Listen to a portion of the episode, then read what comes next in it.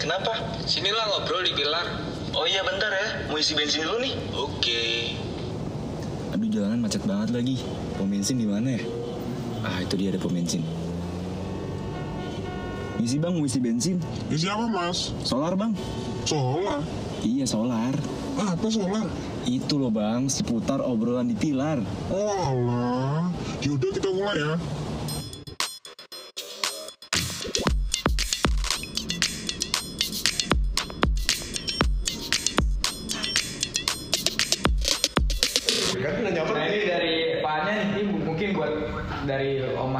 Pribadi sih Om sebagai pengacara katanya kasus apa yang paling menarik yang pernah ditangani? Fanya. Iya dari Anya.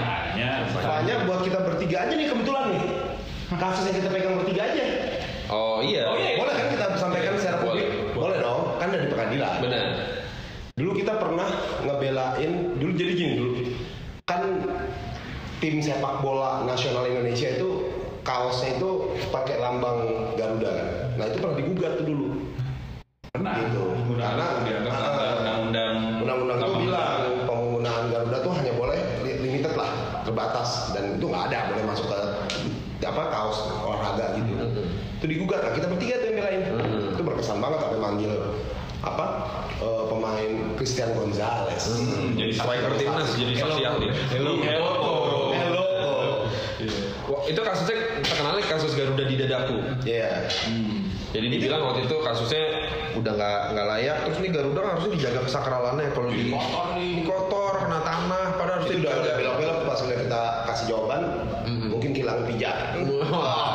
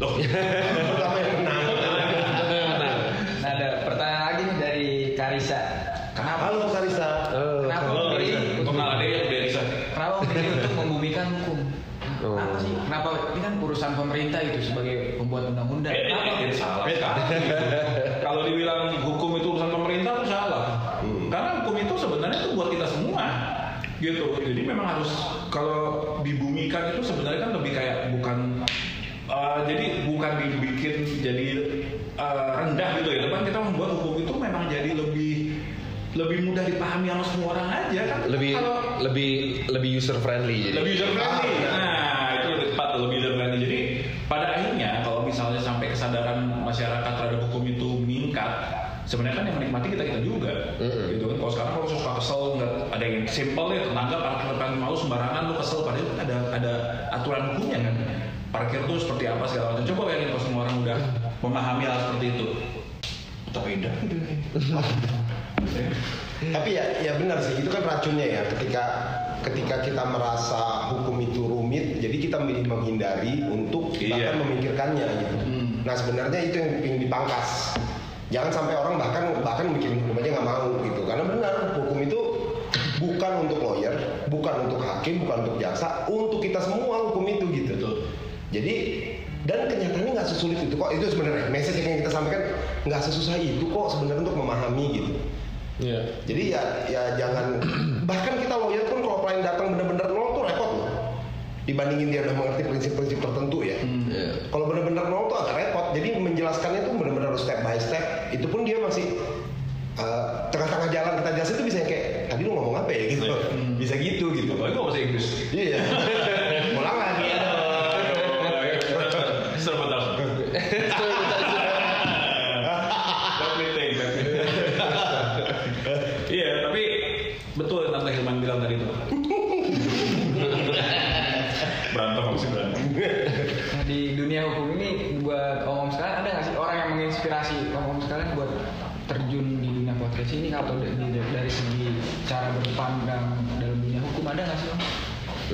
menginspirasi bu?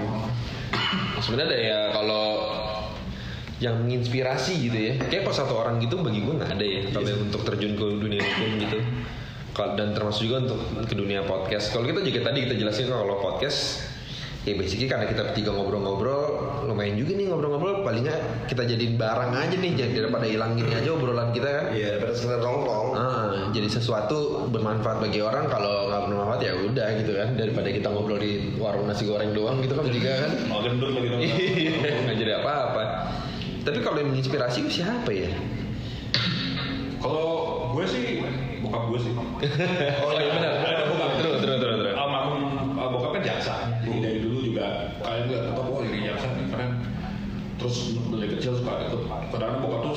sidang tuh eh ikutan gitu. Jadi gue kayak nonton gue sidang gitu. Kayak wah keren banget. Terus kayak pas lagi di sidang tuh yang nonton banyak itu kayak Iya. wah ini enak banget kita nonton banyak tuh kayak kayak eh pas mau pindah jadi jaksa gue bokap gue ternyata pindah-pindah dulu kan. Wah juga ya. Apalagi ya bisa hukum ambil lawyer aja Enggak, tapi kalau gue terus terang bokap gue ya kalau gue yang Pilihannya kalau nggak jaksa lawyer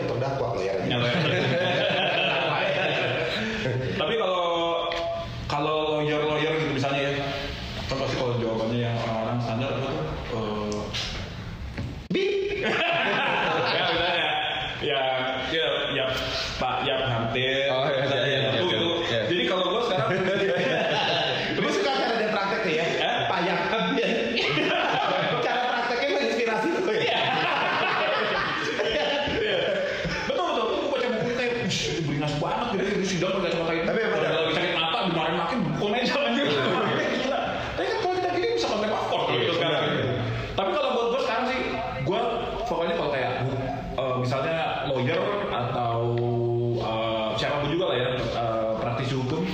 Selama menurut gue dia bisa melakukan sesuatu yang memberikan impact bagi orang banyak secara positif itu menurut gue inspir- inspiring sih. Iya. ya tanpa harus menyebut nama kayak Nima Makalo misalnya. Tapi nggak serius nih saking- menurut gua sekarang saking saking dunia ini mungkin di Indonesia tuh lagi lagi kayak begini situasinya ya. Kalau gua melihat ada orang-orang yang masih punya idealisme yang kayak bagus tuh seperti seperti tetesan hujan di gurun Sahara Iya. Iya kan Spesifik kayak gurunya Sahara. gurun Soekarno Putra Orang fitness ada gurun loh. Tapi saya hujan kalau itu.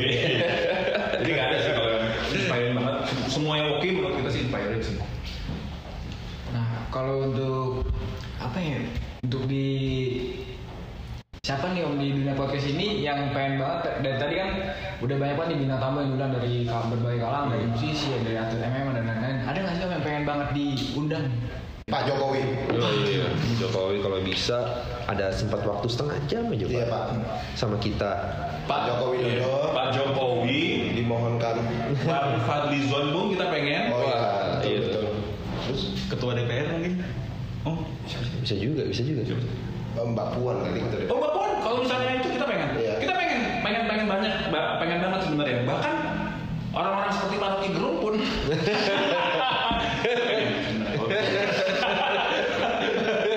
kita juga pengen. Karena kita pengen tahu. Kita pengen challenge kalau para Nah, kita pengen challenge kita pengen kita challenge. harus ber, ber, beradu. Eh, apa namanya? eh, apa kalau dia selalu bilang kayak dungu dungu gitu. Nah. Gue juga pengen tuh dungu dia gitu. Iya. gitu. Tapi sebenarnya banyak banyak banget terutama. Tapi again kita nggak fokus ke politik, kita nggak fokus ke mana. Kita juga pernah waktu itu udah hampir mengundang eh, mantan pemain tim nasional Indonesia bola. Jadi sebenarnya kita pengen juga figur-figur yang inspiring sih sebenarnya Yes. ya, figur-figur yang inspiring yang yang yang bisa eh, di ngobrol sama kita juga. Karena terus terang aja menurut gue interaksinya podcast itu luar biasa loh. Kita pas kita ngobrol sama sama narsum tuh bukan hanya kita, bukan hanya jadi kita juga bisa dapat energinya juga, bisa dapat informasinya juga. Itu menarik banget menurut gue. Dan kadang-kadang dari narsum yang kita pernah undang bisa nyambung ke narsum lain juga gitu loh. Jadi jadi menarik. Dan kita ini ada beberapa angle yang eh, ber- beberapa narsum yang oke yang yang gampangnya eh, Mas Roy Suryo deh. Waktu itu pas kita pertama kali mengundang, kayaknya kita lumayan nervous juga. Kayaknya Mantan menteri gitu. nomornya mantan menteri ya politikus yang lumayan ini juga gitu tapi pas di kontak ternyata responsif banget ya responsif apa segala macam cair ya. terus pas datang pas ketemu sama kita sangat nggak formalistis Iya. apa ya sangat nggak ini gitu datang nggak pakai ajudan nggak pakai apa segala macam terus ngobrolnya ketawa-ketawa sama kita jadi yang menyenangkan juga buat gue tuh banyak membuka perspektif baru juga tentang orang-orang lain gitu buat gue yang kayak oh ternyata tidak seperti ini nih orang ini gitu menarik sih eh, nasum-nasum itu dan tadi bukan ini sebenarnya bahasanya Yang kita ingin undang. Yang pengen Oh iya, banyak nih Pak Jokowi. Eh, diulang lagi. Tapi mengenai politikus sih sebenarnya. Iya. Kita juga pengen sebenarnya undang orang luar negeri sebenarnya. Mbak Gisel. Gisel Gisel. Gisel Bancel. Apa? Oh iya. Banyak banyak. Iya benar. Kita kemarin ngebahas itu juga ya. Hmm. Kita sempat juga tuh kemarin ada rencana mengundang eh Mary Carey. enggak mau pengen juga kita undang orang asing juga. Apa sih orang asing? Orang asing apa nih mas? Kalau nggak kenal juga orang asing mas. Iya juga. Orang nggak kenal juga orang asing. Enggak maksudnya tokoh-tokoh luar negeri lah. Kita ingin undang juga gitu kalau Mike Tyson. Oh pengen banget sih gue. Oh, keren gitu. Pernah dengar nggak podcastnya Mike Mike Tyson? Doang di berita doang di IG itu. Podcast ya? Iya. Itu keren menurut gue. Keren banget. Hotbox ya. Hotbox. Eh, hotbox. Ya hotbox ini. Podcast itu keren banget. Jadi sebenarnya ya kita sih nggak ada batasan lah. Yang penting orangnya inspire ini. Iya. Apa yang kita juga fans itu wah seneng banget. Benar. Boleh dibagi dong tips-tipsnya nih buat undang-undang gimana sih? Kata kita masih. Gaul ya. Gaul. Gaul. Nah. Tapi eh, satu kita banyak andelin. Kita banyak andelin link teman. Kayak dulu ada satu selain Vincent sebenarnya ada satu lagi nih bintang yang waktu itu orang pada kaget juga pasti tahu udah. Nicole Saputra. Oh iya. Ya. Gue juga kaget besok. Bintang tamu kita Niko. Wah. Wah. Lo kaget gimana lo yang undang? Oh iya maksudnya kan gue yang Kita udah siap-siap oh Niko, Niko Syahadi lagi. Niko Saputra. Tapi ya itu memang ternyata Nicola Saputra itu juga sebenarnya temannya dari Brian juga. Kamu suka gajah juga ya Mas Brian? Suka gajah. Nah, itu topiknya emang pas lagi soal lingkungan gitu. Niko juga lagi punya apa? Misi punya- yang mau di ini juga ya. Dia punya ekologi ya. Iya, ek- ekolodge dan ekoturism gitu di sana kan. Hmm, hmm. Jadi pas topiknya gitu. Satu sih pokoknya ngandelin temen, eh bukan ngandelin link ya, ngandelin ngandelin temen. ngandelin link tuh penting menurut gue gitu. Satu lagi, kadang-kadang coba langsung tuh bisa jadi gitu. Iya, cobain aja. Mas Balik Bali soal itu mahasiswa. coba langsung tuh. Iya, balik soal Coba mahasiswa. langsung aja tembak. Kita waktu itu pernah ngundang yang ini yang yang yang pas ngomongin banjir kita ngundang ahli Iya. dari Trisakti waktu itu Ahli tata kota. kota-kota ya yang yang sering banget waktu itu dia udah sering banget gitu di di, di quote Iya. untuk masalah banjir tuh. Habis banjir besar kemarin kan yang awal tahun 2020 kan banjir besar. Iya. Hmm, gitu. Gue pikir banjir sales sih. Tapi Banjir hadiah. Tapi kita WhatsApp, ternyata responsif banget dan Iya. diajakin juga ternyata sampai udah langsung. Jadi kadang-kadang dicoba aja. Ke apa? Apa juga tulis juga sih? Gimana pernah lo dulu ngirim message ke ke saya kan? Siapa ya? Ke youtuber jangan gue usah sebut namanya juga. Gue lupa. Ada Oh iya. Oh gue ini bukan youtuber ya? Siapa? Insta, Instagram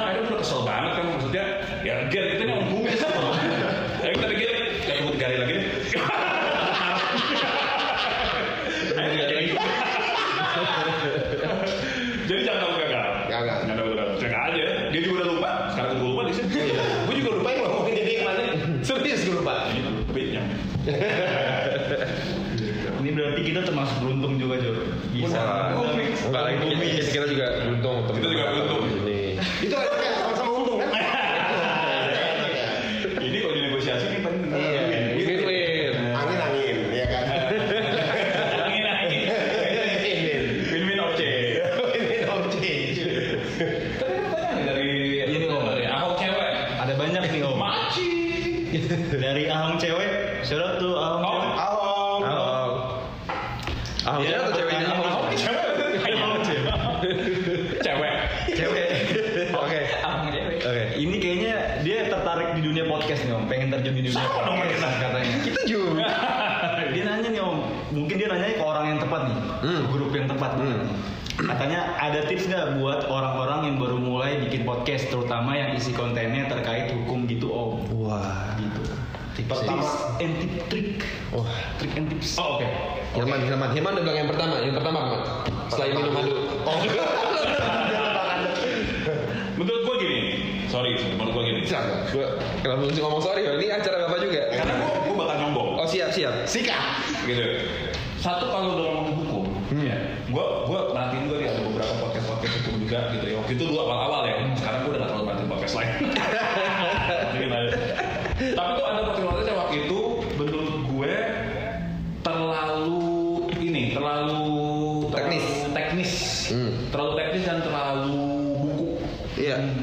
gitu dan dia nggak banyak share experience gue nggak tahu mungkin karena waktu itu mungkin mereka juga masih relatif muda Iya. lawyering segala macam Dan itu mungkin pilihan mereka juga untuk ke situ gitu ya. Ah, gitu. Stylenya. stylenya dan eh, buat buat gue sih jadinya nggak terlalu menarik ya karena kalau gue sendiri kan suka pengen mendengar sesuatu itu sebenarnya gue pengen dengar adalah experience-nya kan kalau dari yang ngomong itu gue pernah gini jadi kan lu bisa lihat beda nih orang yang ngomong asal sama orang yang ngomong karena pengalaman gitu. Jadi satu hal sih gue percaya kalau kayak kita kita gini agak pas sebenarnya. Pasnya tuh kita bukan baru kerja gitu ya. Jadi pengalaman kita udah lumayan tapi kita masih di Klien international. jadi kita kita pengalamannya lumayan tapi kita belum di titik yang yang benar-benar terlalu senior. Kalau yang udah senior senior banget tuh kan kayaknya udah nggak udah nggak kecap lagi sama yang namanya podcast apa segala macem. Ya kecap sebenarnya di bawah-bawah ini nih. Cuma generasi di bawah ini kadang-kadang pas bikin menurut gua agak terlalu jadi terlalu cepat. Karena ya dengan pengalaman yang ini mereka jadi cuma ceritanya cerita teori, cerita teori kan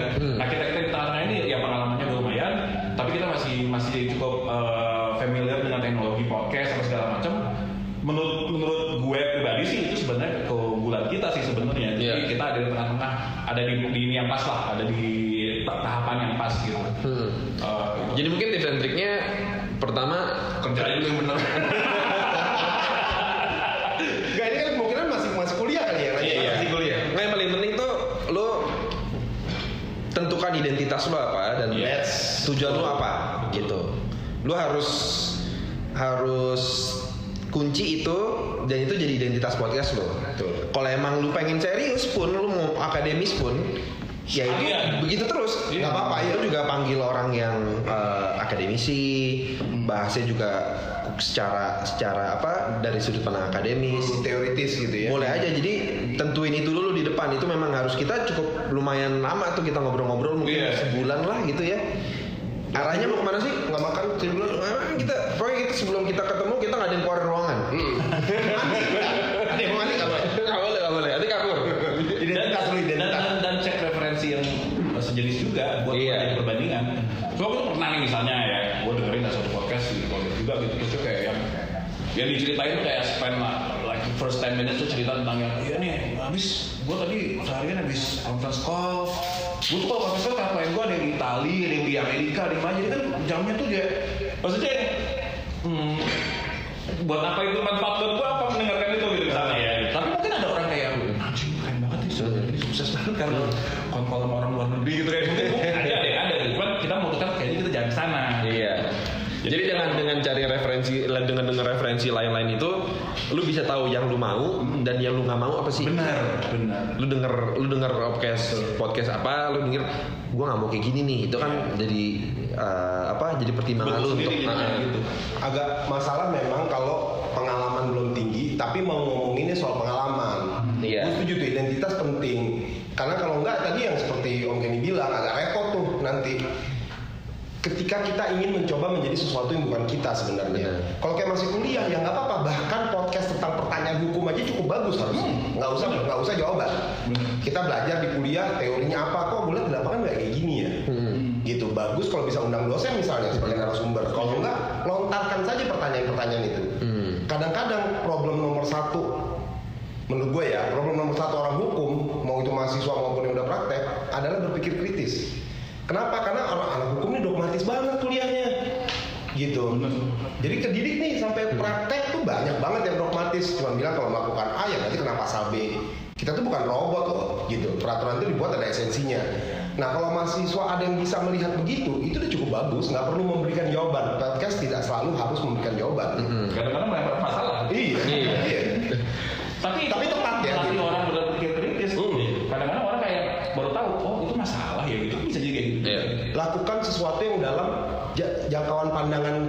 kita gitu.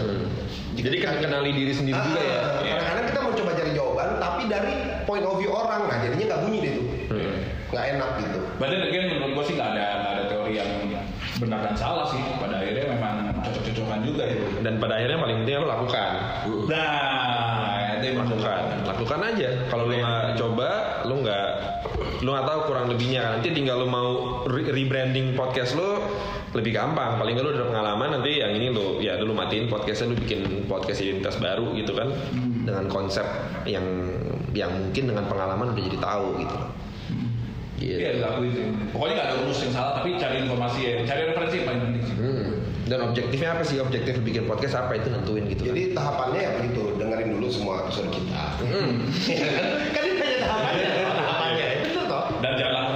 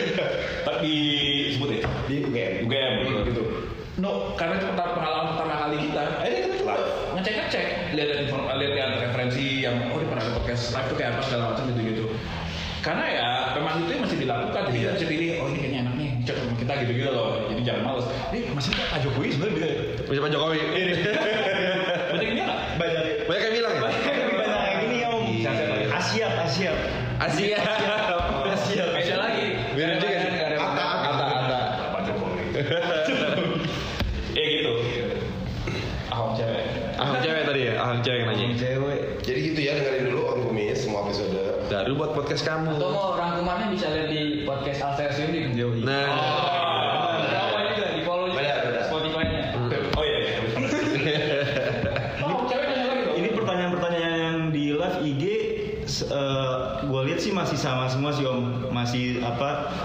Masih tadi udah dijelaskan juga sama Om. Om mungkin dari Instagram kadang aja ada pertanyaan. Ini kurang lebih sama sih. Kurang lebih sama ya? Sama. Tanya sekarang harapannya sih Nah. buat dunia podcast ini ke depannya mungkin buat om sekalian uh, wadah ini tuh bakal ingin membawa apa sampai Hmm. goalsnya itu apa mas? Ayo. hmm. Hmm. Sebenarnya kan dua nih kalau gue nanti satu perspektifnya apa yang buat kita, kedua apa yang buat orang yang dengar. Kalau buat kita sih ya memang kita ada mainan baru gitu loh. Kita kebetulan suka ngobrol, kita bikin sesuatu karena kalau hidup hanya kerja doang gini kan eh, enggak. Banyak yang bilang work life balance tapi gue berusaha banget menghindari itu karena there's no such thing as work life balance. there's no such thing. Jadi bagi kamu kamu kamu yang mau kerja terus kalau pengen work life balance nggak ada. Ya, Semua kerja keras. Masa mimpi. nggak ada istilah work life balance. Jadi itu memang kita punya punya satu mainan baru, kita punya proyek sendiri yang bikin kita happy, ya, yang dan tujuannya untung-untung kalau itu bisa memberikan manfaat buat orang. Jadi eh, mungkin dua perspektif itu harapan kita ya dua-dua bisa tetap terpenuhi. Kita yang ngelakuinnya masih tetap enjoy, terus masih ada manfaat juga bagi orang. Sebenarnya sih, gua at least gua kayak gitu ya mikirnya. Betul betul. Gue sepakat. Tapi ada juga nih sih sebenarnya ada satu kenikmatan lain juga. Misalnya beberapa, beberapa kali tuh jadian kayak pas gue di pengadilan gitu tiba-tiba dia nyamperin gitu kan kayak yang ah sorry om om kumis ya gitu. Kayak wah wah dengerin. Dia suka dengerin. Dia ngobrol gitu terus eh, apa namanya itu beberapa kali sih kejadian ya. Terus satu juga yang waktu itu cukup buat gue yang menyentuh juga tuh tapi waktu itu bukan dari podcast waktu justru dari Instagram kita tuh. Dari Instagram kita kan kita yang sempat ngomongin soal undang-undang ciptaker tuh. Terus kita ngasih perspektif kita bahwa eh, ini sebenarnya maksudnya di undang-undang yang ciptaker begini begini gitu kan. Terus ada yang yang ngasih feedback ke kita gitu. Dia bilangnya gini yang aduh eh, seneng banget dapat baca postingan ini dari Om Kumis karena eh, si dia ini anaknya itu udah kuliah terus anaknya itu tadi udah mau demo. Nah gara-gara pas anaknya pas anaknya mau demo itu gara-gara si ibunya baca podcast eh sorry baca tulisan kita jadi dia bisa ngajakin anaknya ngobrol soal ciptaker ini dan sampai akhirnya anaknya kayak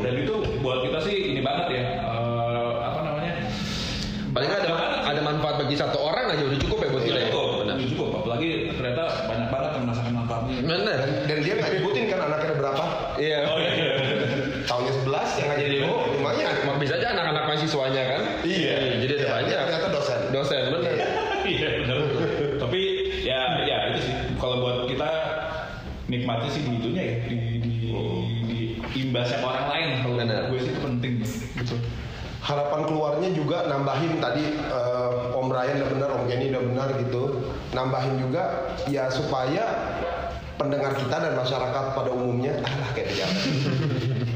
itu lebih lebih ngeh gitu terhadap isu hukum yang sehari-hari jangan cuma lihat yang gede-gede ngeliat matahari terus kan silau juga gitu ya. Kita lihat Kita, yang sehari-hari kita jalanin dulu. Kalau mahasiswa lihat sekitarnya ada yang bisa ditolongin apa enggak gitu. Eh, salah satu tanggung jawab mahasiswa kan kepada masyarakat kan gitu. Nah lihat dong sekitarnya warungnya yang biasa makan apa segala macam di dekat kos kosannya misalnya isu hukumnya apa ada yang bisa dibantuin nggak misalnya gitu. Nah itu penting tuh, bener ya. Jangan cuma berpikir kalau masuk kuliah harus gabung LBH dulu baru baru bisa bantu orang nggak juga. Aduh banyak banget ya. Minimal bantu bantu saudara itu kan sering kan kalau saya oh, anak ya tanyain apa. Kayak zaman dulu anak ITB kalau di TV rusak suruh- pasti suruh benerin TV. Kalau kayak sekarang hukum banyak banget masalahnya tante mau jual kanan di segala macam. Kayak gitu-gitu tuh menurut gua penting lah. Kamu bisa jadi calonnya nggak?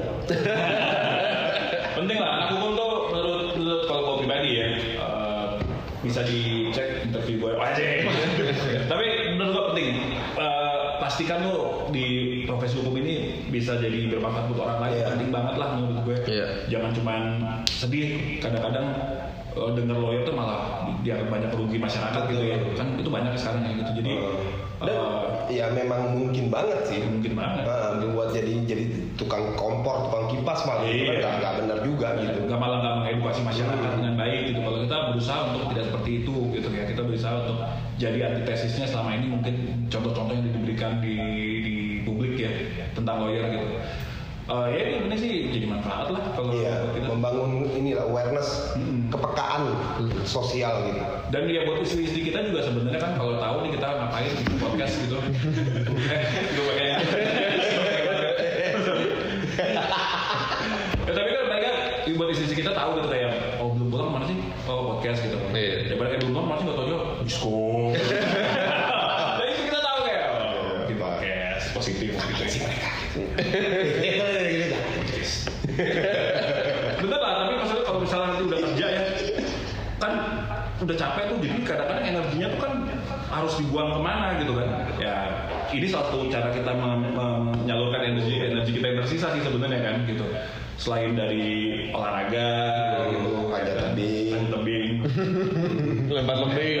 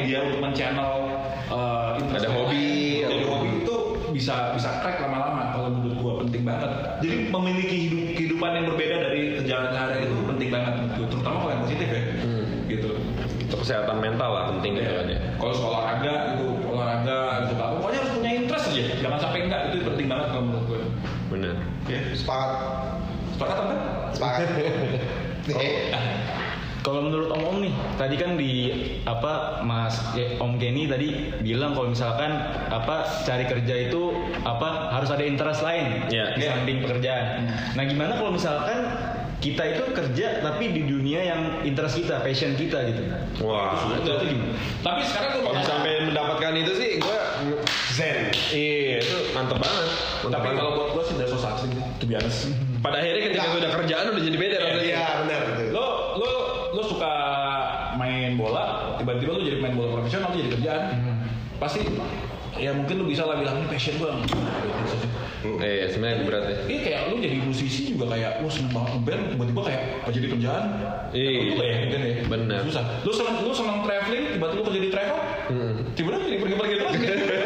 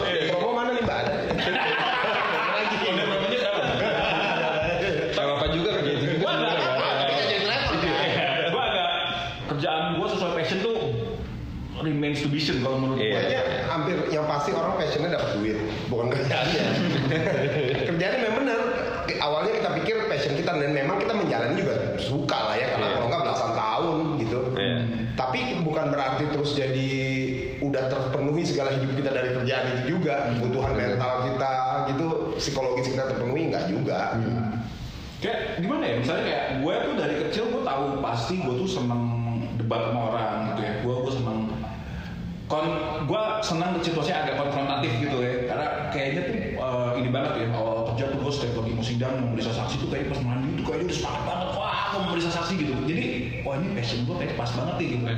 Cuma gue ada satu dulu ada satu kasus di mana gue harus sidang di Bali tiap minggu dan setiap sidang itu pasti berantem terus sama lawannya gitu. Sampai akhirnya setelah minggu- beberapa minggu tuh gue akhirnya setelah berangkat setiap berangkat Bali tuh udah gak happy lagi. Gitu kayak gue seneng sih ribut-ribut ada bukan seneng bukan ribut gue seneng berdebat gue seneng berkonfrontasi sama orang. Tapi jadi putusan sendiri lama-lama capek juga ya gitu.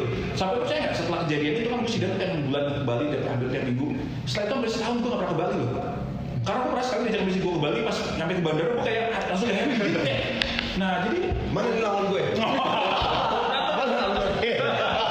Tapi poinnya adalah jangan terjebak dengan yang tadi itu. Jangan terjebak karena merasa ini passion gue gue pasti happy dengan Kenapa? kehidupan gue Aduh, jangan. Kenapa jangan terjebak? Karena nanti kalau masuk ternyata rutinitas itu membebani, crack. Wah, udah, gue tinggalin deh. Itu nggak ada yang instan lah gitu. Semua itu proses. tapi tetap Jangan harus mudah. punya interest tetap. Harus. Iya. gue percaya tuh main bola Siang lawyer, malam bahas kejahatan. oh.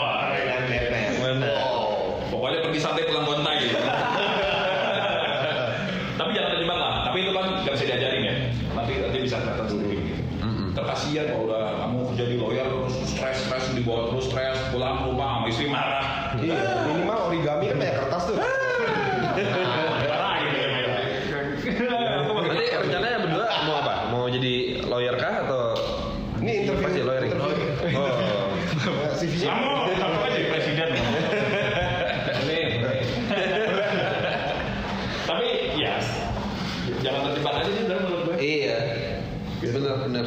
so soalnya so so life lesson cuman kayak percaya gue juga gue sering lihat tiba-tiba ya kayak jangan gampang jangan gampang kecewa juga gue lihat ada beberapa tuh kayak uh, anak-anak adik-adik yang baru baru kerja gitu ya kerja di satu law firm kayaknya tuh law firmnya gede gitu terus ternyata nggak berapa lama nggak diperpanjang gitu terus kayaknya yang sampai Kayak kiamat gitu ya. wah ada kiamat banget gitu padahal eh, kenapa kan maksudnya Iya.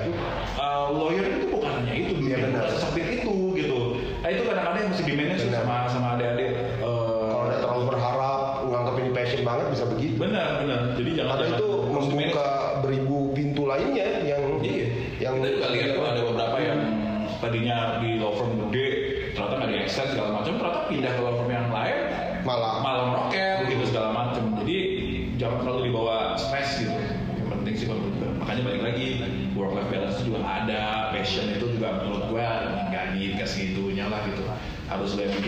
harus Iya, Ah, itu harus gimmick lah. lu yang membuat gimana caranya menjalani menjalani pekerjaan lu lu bisa tetap happy itu aja nah inilah Ah, salah iya satu benar. caranya kita nih menjalani pekerjaan kita untuk bisa tetap happy salah satunya dengan podcast ini menjalankan podcast ini ya Hmm. gitu Pada intinya berarti pengalaman itu adalah guru terbaik Jo. Bener banget. enggak bukan itu Oh bukan.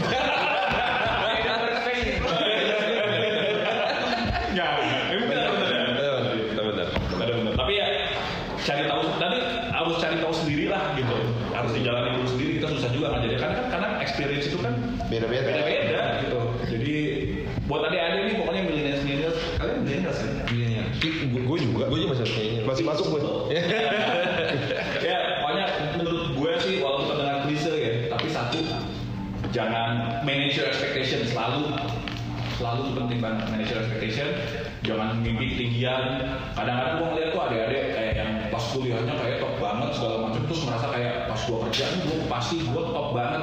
Padahal orang tuh gak sadar ya pas mulai masuk dunia kerja tuh mulai dari nol lagi kan. Semua tuh startnya sama ya IP-nya 4 yang IP-nya 2, berapa segala macam kita masuk dunia kerja sama-sama mulai ini bagi juga adik-adik yang mungkin sekarang IP-nya tidak terlalu bagus jangan drop juga IP itu juga bagus bagus amat gitu. Eh, Maksudnya yang kalau IP jangan terlalu nggak terlalu bagus, jangan di dropin lagi. jangan Jangan drop ya. Minimal maintain lah.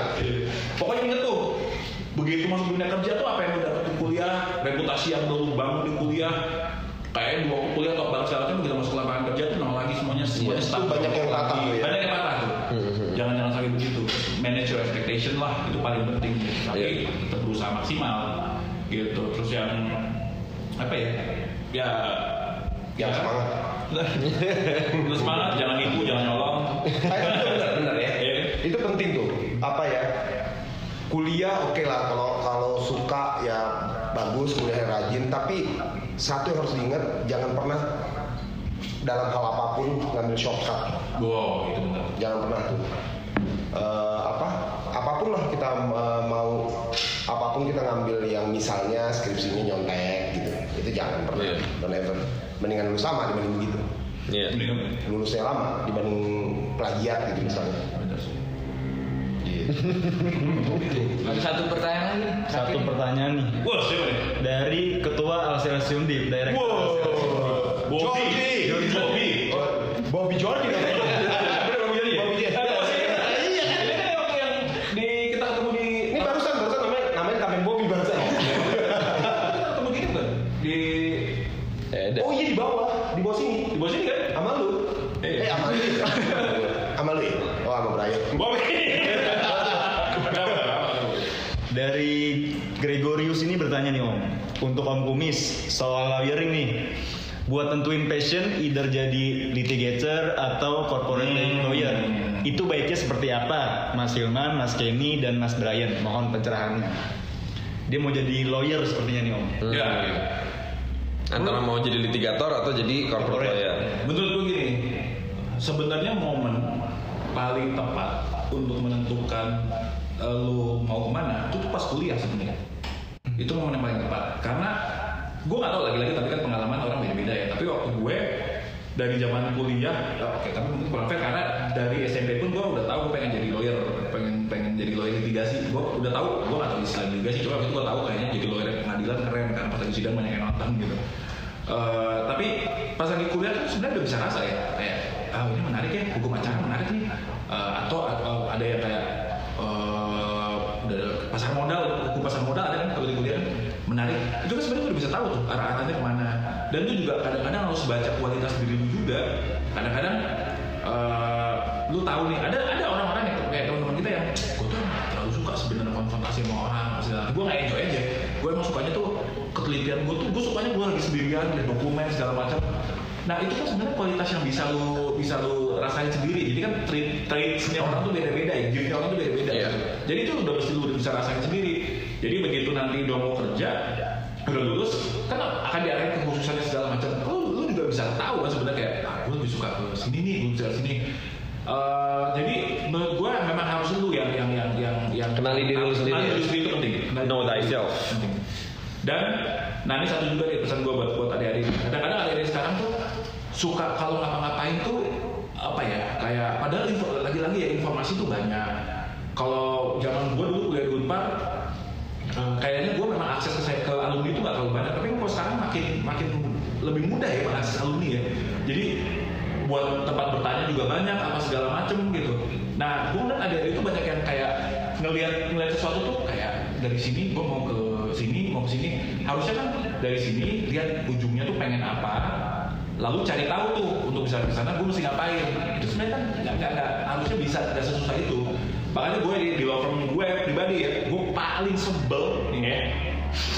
Kalau lagi interview orang begitu udah tahu masuk sini tuh ya iya iya uh, so- actually I'm still uh, trying to explore uh, whether I'm you know, I have an interest to become a, a litigator or a corporate lawyer. Mo- mostly itu kita nggak terima tuh yang ngomong kayak begitu. Karena wah kalau bahkan dia nggak tahu. Nah yang paling bahaya itu ya benar kan yang paling bahaya itu yang paling bahaya itu adalah orang yang nggak tahu apa yang dia mau itu paling bahaya.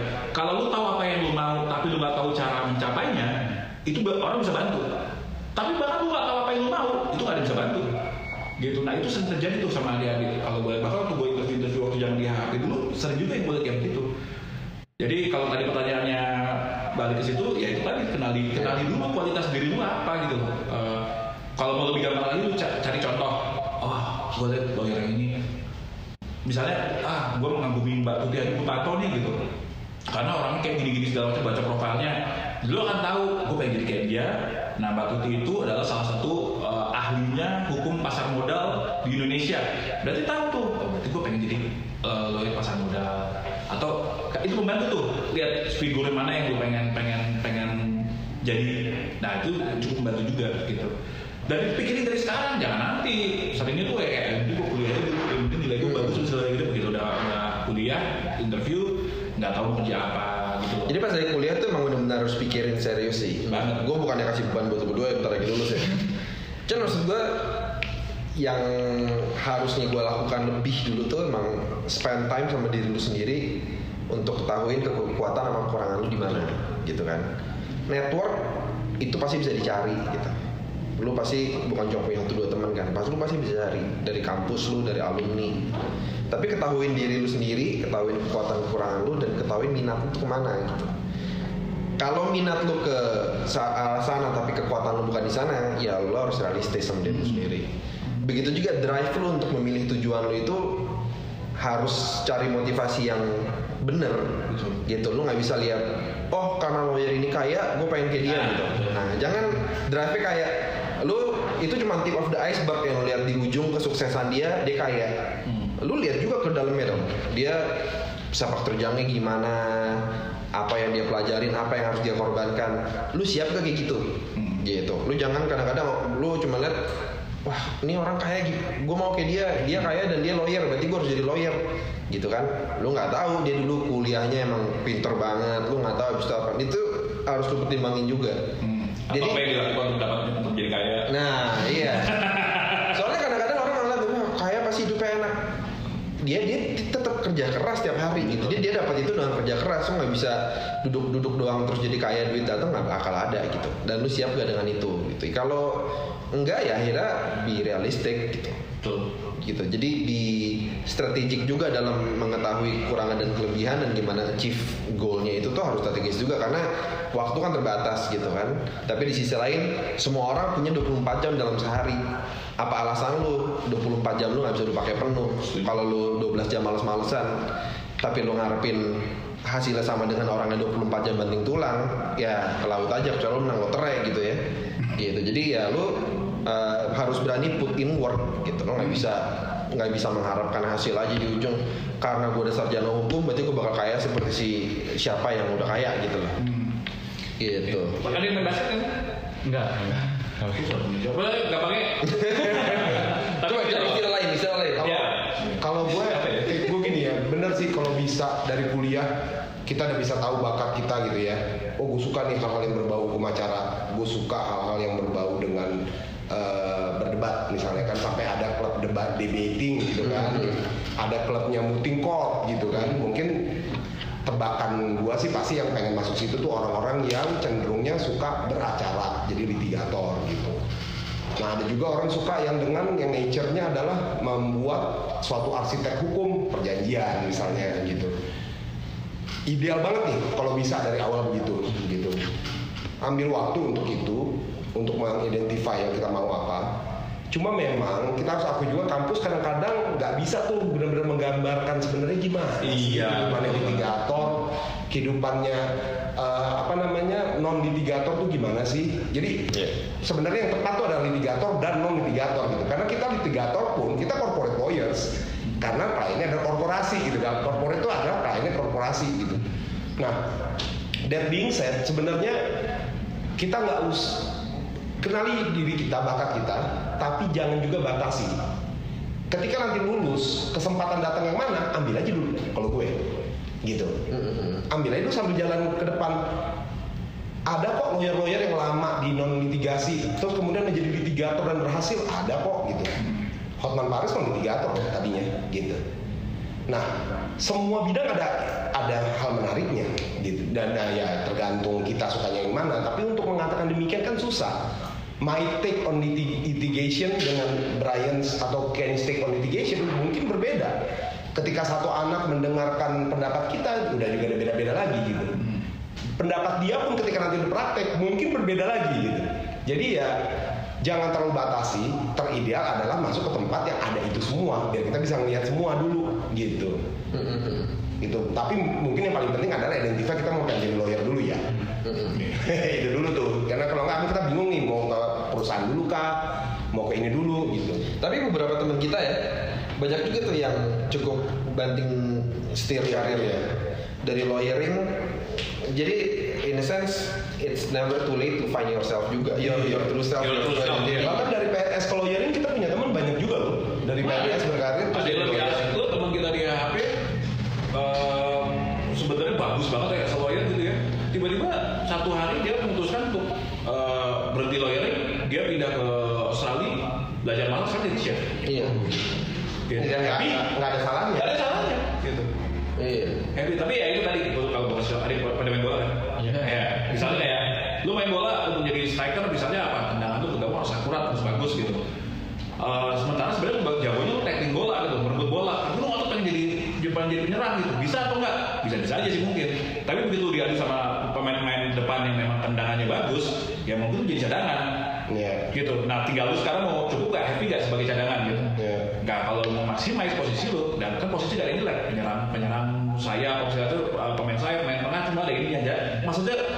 kenali ini lo diri lo gua kuat uh, tackle gua bagus. Itu jadi dan itu memang gak gampang tapi itu harus dilakuin. Kayak kayak Brian bilang lakuin itu sekarang lagi kuliah Iya. jangan sudah kerja. Gitu. Itu juga ya gelas kosong juga penting ya. Dalam segala hal selain masalah litigasi dan non litigasi apa namanya? Kadang-kadang tuh hal-hal yang kayak ketika kerja dikasih kerjaan kerjaan tertentu ini bukan kerjaan lawyer gitu. Jadi mengenali bakat dan minat adalah sangat diperlukan. Iya. tapi membatasi diri itu keliru kalau buat gue gitu. Serap aja dulu. Paling ideal adalah lu bisa ngerti semuanya. Gitu. Kadang-kadang seorang ada yang- litigator yang ngerti banget tentang litigasi itu wah itu top banget. Kadang-kadang ada anak yang gitu ya pas diterima kerja, wah lu, ah, gue tahu lu pengen litigasi, cuman kita ada bukaannya di ini nih grup lain gitu atau pra- praktis lain gitu.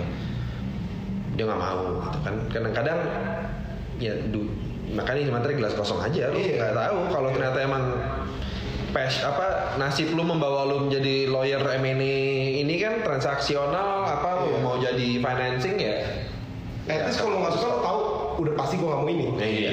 Paling nggak itu paling jelek mungkin. Memang kuncinya kalau lawyer memang kita bertiga selalu ngomong jam terbang udah. Semua ilmu-ilmu itu pada akhirnya kalah sama jam terbang. setuju Gitu. setuju Jadi serius banget yang gua asli. tangkap sih tadi intinya kenali diri dulu punya vi- punya visi juga ke depannya jangan lupa cari referensi yang terakhir Iya. jangan batasi diri Dan networking, networking, networking pada akhirnya itu penting banget. loh.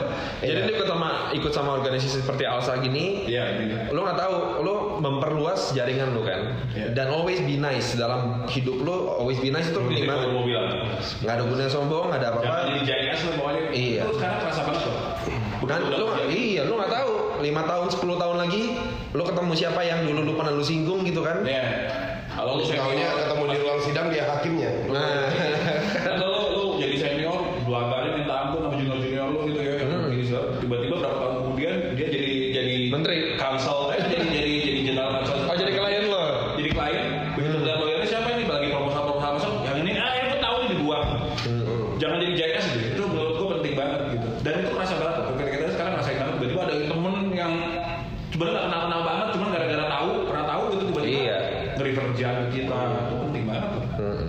Di temen penting semua yang lagi batch batch ini nanti lo kan ngerasa ketika one point in your career batch lu semua orang yang lagi megang negara ini Iya. tuh batch lu kampus lain kampus ini untung lo pernah kenal organisasi Menterinya di situ, ketua MA-nya dia di generasi lu. semua nanti di batch lu semua jadi ya networking penting maintain networknya always be nice gitu gitu tuh soft skill soft skill gitu penting Di dunia kerjaan juga penting banget. hmm.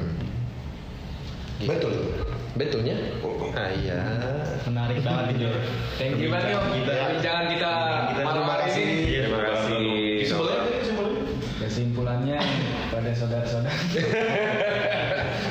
kesimpulannya Kesimpulannya. malam malam udah malam nih mas. Disimpulkan sendiri teman-teman Ntar kalau mau denger di Spotify kita sama di Om Kumis mungkin nanti ada. oke. Mantap. Mungkin untuk menutup malam ini Jor, kita ngapain Jor? nyanyikan nyanyi nyanyi. Apa ya? apalagi Pasti, pasti mau ngasih buat tangan nih. Eh, Pasti Pasti kasih. bilang, pasti mau ngasih plakat. Itu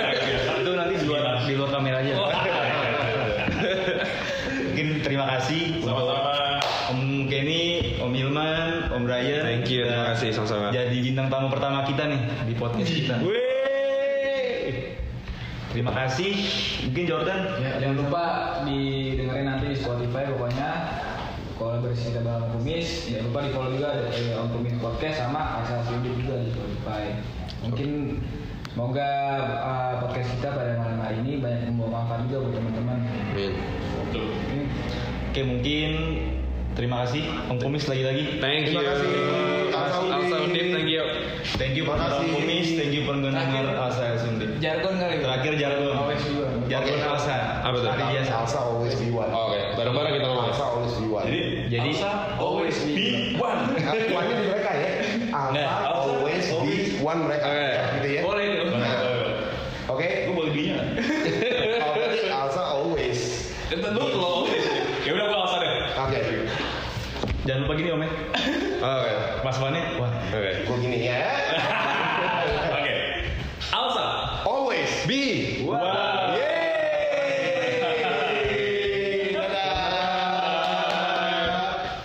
Wow, seru banget nih pembahasannya bareng Om Kumis dan semoga kita dapat diberi kesempatan lagi untuk discuss dan podcastan bareng sama Om Kumis. Nah, next session ini yang paling ditunggu-tunggu dan pastinya menarik banget yaitu for your information.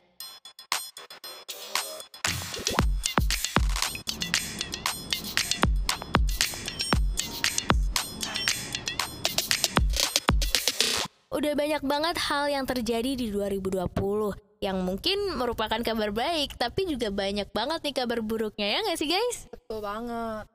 Kalau kita rewind atau kilas balik di awal 2020, banyak banget bencana yang terjadi tuh. Ya, yang paling menyedihkan tuh ingat gak sih kemarin pada tanggal 1 Januari 2020 di mana Jabodetabek dilanda banjir. Yang di mana kita harusnya ngerayain New Year's Eve party, terus ngumpul bareng keluarga sambil barbekyuan, nontonin petasan di bundaran HI, malah harus terjebak di rumah dan beres-beres. Terus tahu nggak sih, karena banjir di Jabodetabek kemarin ini, Gubernur DKI Jakarta Anies Baswedan menjadi sorotan terkait kinerja pemerintah Provinsi DKI Jakarta yang di mana oleh rakyat dinilai lamban, mau dari mengantisipasi banjir sampai menanggulangi banjir tersebut. Selain itu, akibat dari banjir ini tuh parah banget.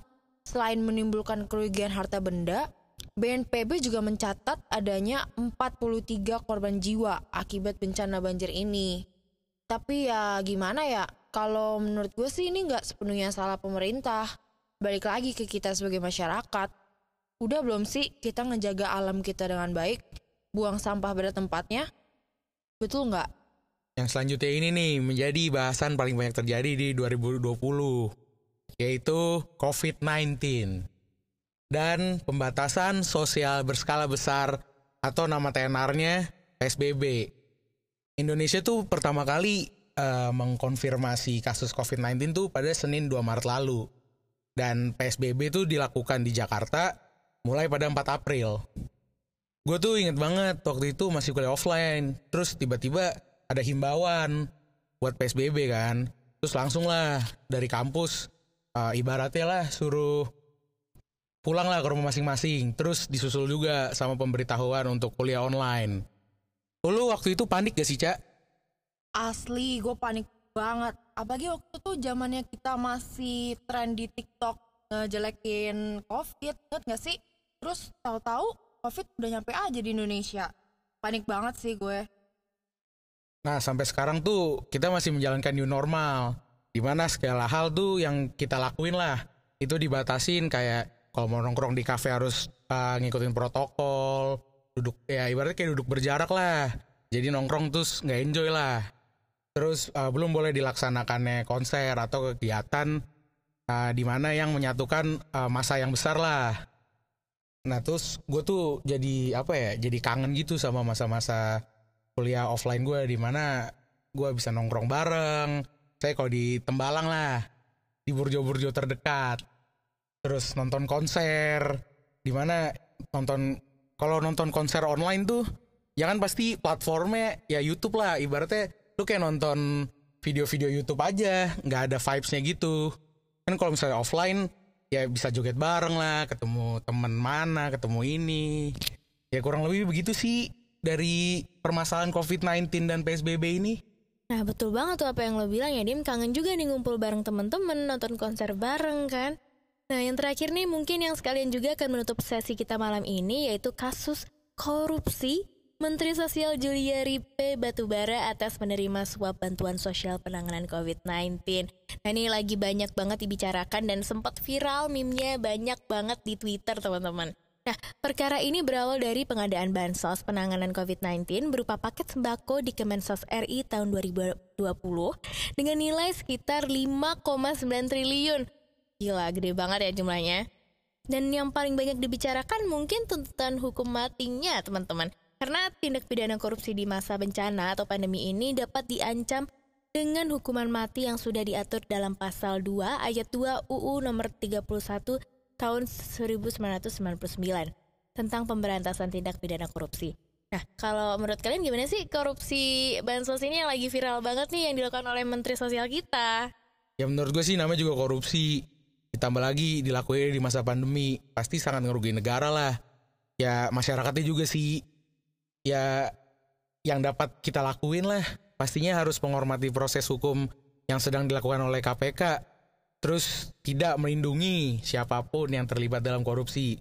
Soalnya kan ini uang rakyat ya. Apalagi dalam pandemi ini nih, bansos tuh sangat dibutuhin sama masyarakat Indonesia.